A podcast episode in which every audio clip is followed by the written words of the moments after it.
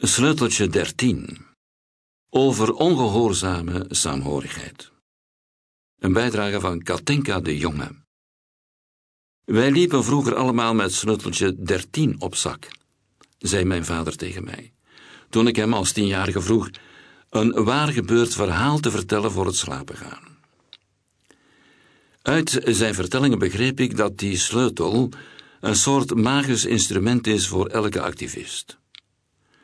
Sleuteltje 13 past namelijk op de bouten van vrijwel alle constructies die door Nederlandse gemeentes worden geplaatst. Je draait er reclamezuilen in bushokjes mee open of, als je zin hebt, demonteer je ook meteen het hele bushokje. Je schroeft er paaltjes mee los, handig tijdens demonstraties, en blijkbaar kan je er ook hele treinstellen mee uit elkaar halen. Je kunt plotseling iemand een verkeersbord cadeau doen, of, in het geval van mijn vader, een verkeersbord meenemen als vergelding omdat je net een uiteraard onterechte boete hebt gekregen. Mijn vader was een saboteur, zoveel is zeker. En ik groeide op met de idee dat volwassen worden vooral betekende veel boeken lezen en af en toe naar buiten komen om te sleutelen aan een betere wereld.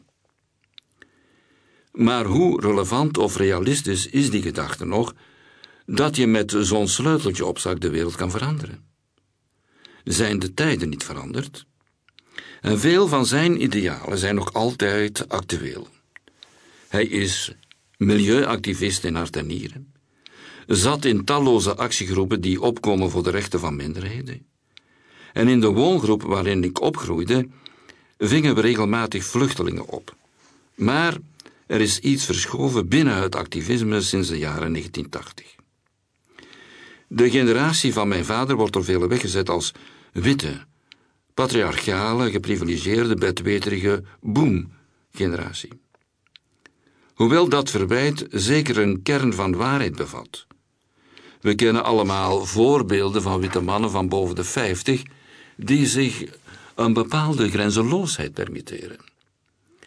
Is dat generationele etiket voor velen vandaag al voldoende om aan veel van de idealen van toen voorbij te gaan? Die zijn echter vaak nog springlevend, ook al verloopt de weg er naartoe nu misschien anders.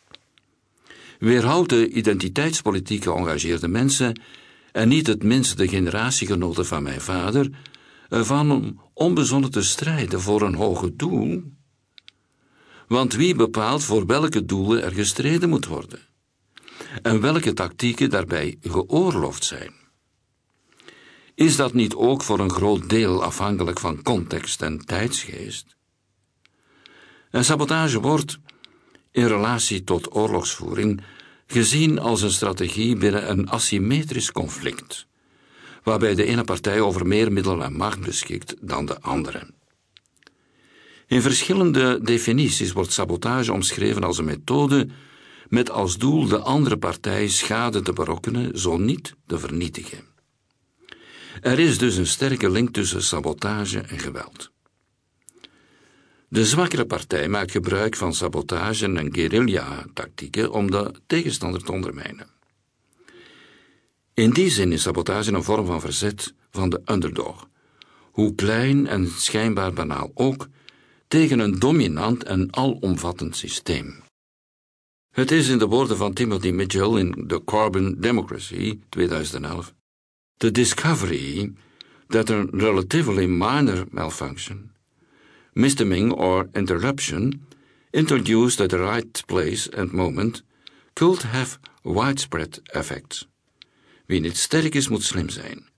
Maar is het onderscheid tussen de underdog en het systeem niet ook onderhevig aan een vorm van identiteitspolitiek? Heeft dat niet ook te maken met afkomst, klasse, gender, leeftijd, gezondheid? En daarop volgend kan je de vraag stellen: is het wel legitiem om een saboterende actie te organiseren wanneer je je in een geprivilegeerde positie bevindt ten opzichte van mensen die direct slachtoffer zijn? Of maakt het privilege jou juist moreel verplicht om het op te nemen voor de ander en desnoods tot sabotage over te gaan? Mag je, Of moet je zelfs saboteren uit solidariteit? Zoals Bell Hooks stelt, solidarity is not the same as support. To experience solidarity, we must have a community of interest, shared beliefs and goals around which we unite to build sisterhood. Support can be occasional. It can be given and just as easily withdrawn. Solidarity requires sustained, ongoing commitment. Solidair zijn is dus enkel mogelijk als je langdurige relaties opbouwt en zo worstelingen echt leert begrijpen. Misschien is de vraag of sabotage al dan niet gelegitimeerd is, helemaal niet aan de solidaire partij om te beantwoorden, maar eerder een beslissing van degene met wie men zich solidair verklaart. Als kind van mijn vader kwamen al deze vragen vroeger echter niet bij mij op. Voordat mijn grijze cellen daadwerkelijk grijswaarde konden herkennen, ergens op de middelbare school, schreef ik een opstel met als titel Zinvol geweld. Ik verwees naar Sartre, eeuwige bondgenoot van linkse rebellen, om het te hebben over de Duitse links-terroristische groep, die Rode Armee-fractie. Welke vorm van geweld was legitiem? Heiligt het doel de middelen en zo ja, wanneer dan? Mijn conclusie was toen dat geweld geoorloofd was als er alleen materiële schade werd berokkend en er geen menselijke slachtoffers vielen. Dat materiële schade indirect vaak wel menselijke slachtoffers maakt, bijvoorbeeld als mensen hun baan verliezen, omdat er een sabotageactie zodanig effectief is dat een heel bedrijf over de kop gaat, realiseerde ik mij pas later. Een andere keer schreef ik een pleidooi tegen economische groei. Ik trok de simpele conclusie: eeuwige economische groei is een fictie, want de aarde is een bol. Ik haal de goede cijfers, daar niet van, maar het verbaast me nog altijd dat de radicale en soms zelfs militante toon van mijn linkse schrijfsels zo weinig inhoudelijke reacties bij mijn leerkrachten losmaakte. Bij radicale gedachten hoorden ook radicale acties. En in de periode dat ik mijn eerste biertje dronk, spijpelde ik met mijn vrienden om naar ontruimingen van kraakpanden te gaan kijken. Er werden spelletjes met de politie gespeeld. Het pand werd gebarricadeerd en er werd heel veel tijd gestoken in het bedenken van de meest creatieve hindernissen. Maar in feite was er niemand meer binnen wanneer we met z'n allen het spektakel van de ontruiming stonden te aanschouwen. De politie speelde echter ook een spel met ons. Af en toe ontdekten we mensen in onze groep die er te goed bij wilden horen, en dan zongen we het liedje Het is stil aan de overkant. Net zo lang tot de agenten en burger die zich onder ons hadden verzameld, de stillen, doorkregen dat we hen hadden herkend en ze zich schijnheilig terugtrokken. Er werd dus gesaboteerd van twee kanten. We handelden uit idealisme. Pandenkragen deden we niet alleen voor onszelf, maar ook om een eigenaar te saboteren die die panden leeg niet staan. En als we dieren uit kooien bevrijden, hoopten we zo een signaal te geven aan een bondbedrijf en zoveel mogelijk media-aandacht te krijgen. Maar eigenlijk deden we het ook voor elkaar. Soms werd me gevraagd hoe ver ik wilde gaan in een demonstratie. Wilde ik stenen gooien?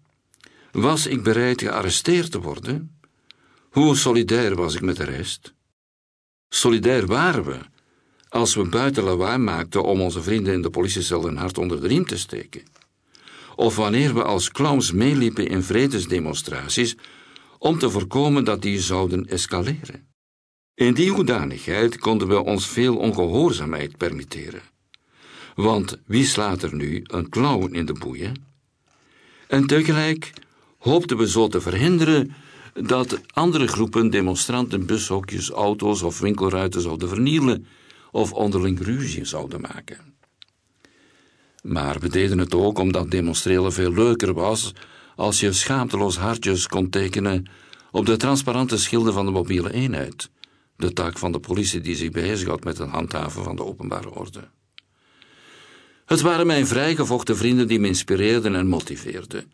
Met hun rammelende sleutelbossen en het telefoonnummer van de advocaat met dikke stift op hun arm geschreven, zwarte hoodies en petjes op hun vettige haren, donkere eyeliner, vieze handen en riemen met zware gespen en soldatenkistjes met stalen neuzen, en wijde broeken met te veel zakken, waar ze allerlei gereedschap uit tevoorschijn konden toveren.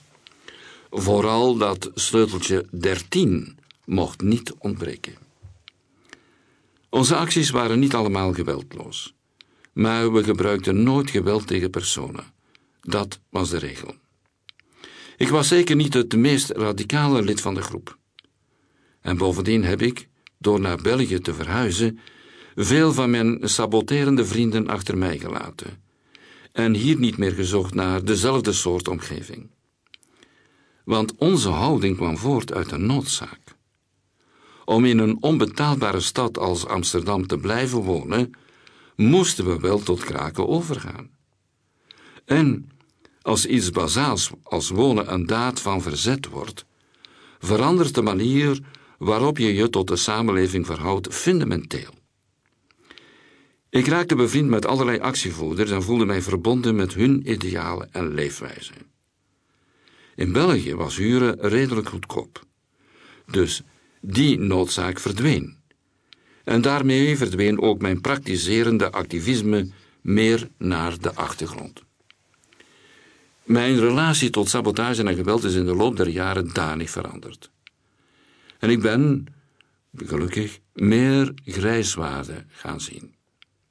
Want wie saboteert wie? En wanneer geldt een actie als sabotage? Welke van mijn acties waren gewelddadig en welke geweldloos? In haar boek The Force of Nonviolence 2020 schrijft Judith Butler dat geweld, en ik reken sabotage ook tot een vorm van geweld, en niet geweld, in sommige situaties lastig van elkaar te onderscheiden zijn. Zeker, en dat klinkt paradoxaal, als de staat of de autoriteiten in kwestie hun opponenten als gewelddadig kenmerken. Die klare taal dient er immers toe om het eigen monopolie op structureel geweld dat via de politie, het leger en de veiligheidsdiensten uitgeoefend wordt, te rechtvaardigen. In public debates, we see that violence is libre, its semantics appropriated in ways that call to be contested. A demonstration in support of freedom of expression, a demonstration that exercises that very freedom is called violent. That can only be because the power that misuse language that way seeks to secure its own monopoly of violence through relying the opposition, justifying the use of police, army, or security forces against those will seek to exercise and defend freedom in that way. Een belangrijk punt dat Butler maakt is dat geweld en geweldloosheid, anders dan de heersende neoliberale opvattingen over het zelf ons willen doen geloven, geen individuele daden zijn. Zo'n individualistische benadering vergoeilijkt volgens Butler het zwijgen over systematisch geweld omdat er dan geen individuele actor verantwoordelijk kan worden gehouden. Ook wordt zelfverdediging en vergelding in die redenering als iets individueels beschouwd. Jij doet mij pijn, ik doe jou pijn als vergelding en daar blijft het bij. Terwijl het vaak ook nog maar het begin is van een geweldspiraal. Bijvoorbeeld als je denkt aan de repercussies in de vorm van meer geweld, rouw, trauma, die dat geweld daarna veroorzaakt. En daardoor is het ook een collectieve aangelegenheid. Er zijn veel meer dan twee personen betrokken. En daarnaast is het essentieel om vormen van geweld en geweldloosheid op een collectief niveau te beschouwen, om structurele, symbolische, institutionele en andere vormen van geweld net zo zichtbaar te maken als meer individuele vormen. Een van Butler's conclusies is dat collectief geweldloos verzet de enige manier is om te strijden tegen onrecht. Daar ben ik het mee eens. Maar tegelijk vind ik het lastig om de verschillende acties die ik erboven heb genoemd, als gewelddadig dan wel geweldloos, te categoriseren. Ook Butler problematiseert en contextualiseert in haar boek allerlei iconische activistische acties. Onder andere wanneer ze stelt dat je de vreedzame hongerstaking van Gandhi ook zou kunnen zien als een vorm van zelfsabotage. Ik vraag me af, is kauwgom in bontjassen knijpen geweldloos? En een blik tomatensoep tegen een schilderij gooien? Een snelweg blokkeren? Een andere vorm om de acties die ik ondernam met mijn vrienden te omschrijven, vond ik in de term burgerlijke ongehoorzaamheid. Wij deden acties die niet mochten, maar wel moesten gebeuren. Een morele burgerplicht dus. De Nederlandse socioloog Kees Schuit, die in 1972 promoveerde met het proefschrift Recht, Orde en Burgerlijke Ongehoorzaamheid, en wiens theorieën vandaag opnieuw in de belangstelling staan, omschrijft burgerlijke ongehoorzaamheid als volgt. Burgerlijke ongehoorzame handelingen zijn illegaal, maar wel openlijk en gewetensvol. Ze zijn in een democratie principieel geweldloos en dienen de rechten van anderen te respecteren. Wat Schuit ook zegt, is dat in een context waarin acties van politieke en burgerlijke ongehoorzaamheid het minst mogelijk zijn, in totalitaire regimes, deze moreel en juridisch het meest te rechtvaardigen zijn. En waar die acties verreweg het makkelijkst te realiseren zijn, door de openheid van de democratische rechtsstaat, deze acties moreel en juridisch het moeilijkst te rechtvaardigen zijn. Hij maakt hier net als Judith Butler een onderscheid tussen wat geoorloofd is in verschillende staatsvormen en stelt de juridische en morele rijkwijde van de plicht tot gehoorzaamheid is in een democratie anders dan in een dictatuur. En dat noem ik de paradox van burgerlijke ongehoorzaamheid. Ondertussen vat ik activisme veel breder op dan met sleuteltje 13 een straatmeubilair uit elkaar te vijzen. Bijvoorbeeld als ik met kunststudenten teksten lees van intersectionele schrijvers. Of in mijn onderzoek naar artist run spaces bekijk hoe ver we kunnen gaan in het oprekken van de statuten van een VZ2. Toch voel ik soms ook een gemis. Ik mis de energie, het plezier en de humor van onze ongehoorzame samenhorigheid tijdens directe acties. Een vriendin vertelde dat ze die saamhorigheid het laatst had gevoeld bij een evenement van anarchistische fietscouriers in Brussel. Als een zwarte zwerm stormden honderden fietsers naar een feest aan de andere kant van de stad. Om de marginale positie van fietsers in het Brusselse verkeer aan te kaarten, maar ook gewoon om te laten zien dat ze er waren, werden er telkens verkenners vooruitgestuurd die minutieus het verkeer op de Brusselse kruispunten stillegde. Daardoor kon de stoet in een vloeiende beweging naar de feestlocatie rijden. De reden. Fietsen naar een feest van zo'n actie lijkt banaal. Maar toch heb je ook zulke momenten nodig om te voelen dat je samen iets kan betekenen. En soms betrap ik mezelf op dat puberale verlangen naar een groep gelijke stemden, waarbij solidariteit, zowel met elkaar als met het ideaal, geen vraag, maar een gegeven is. Sabotageacties zijn per definitie destructief. Maar daaromheen worden vriendschappen gesmeed, een gemeenschap opgebouwd met gelijke stemden, die samen lezen, spreken en schrijven over morele dilemma's. Sabotage of in mijn geval misschien dus veel eer burgerlijke ongehoorzaamheid, is op die manier niet het verlangen om iets kapot te maken. Het is het verlangen om samen te komen, verbinding te maken, perspectief te scheppen, mogelijkheden te leren zien, creatief te zijn en ruimte te claimen.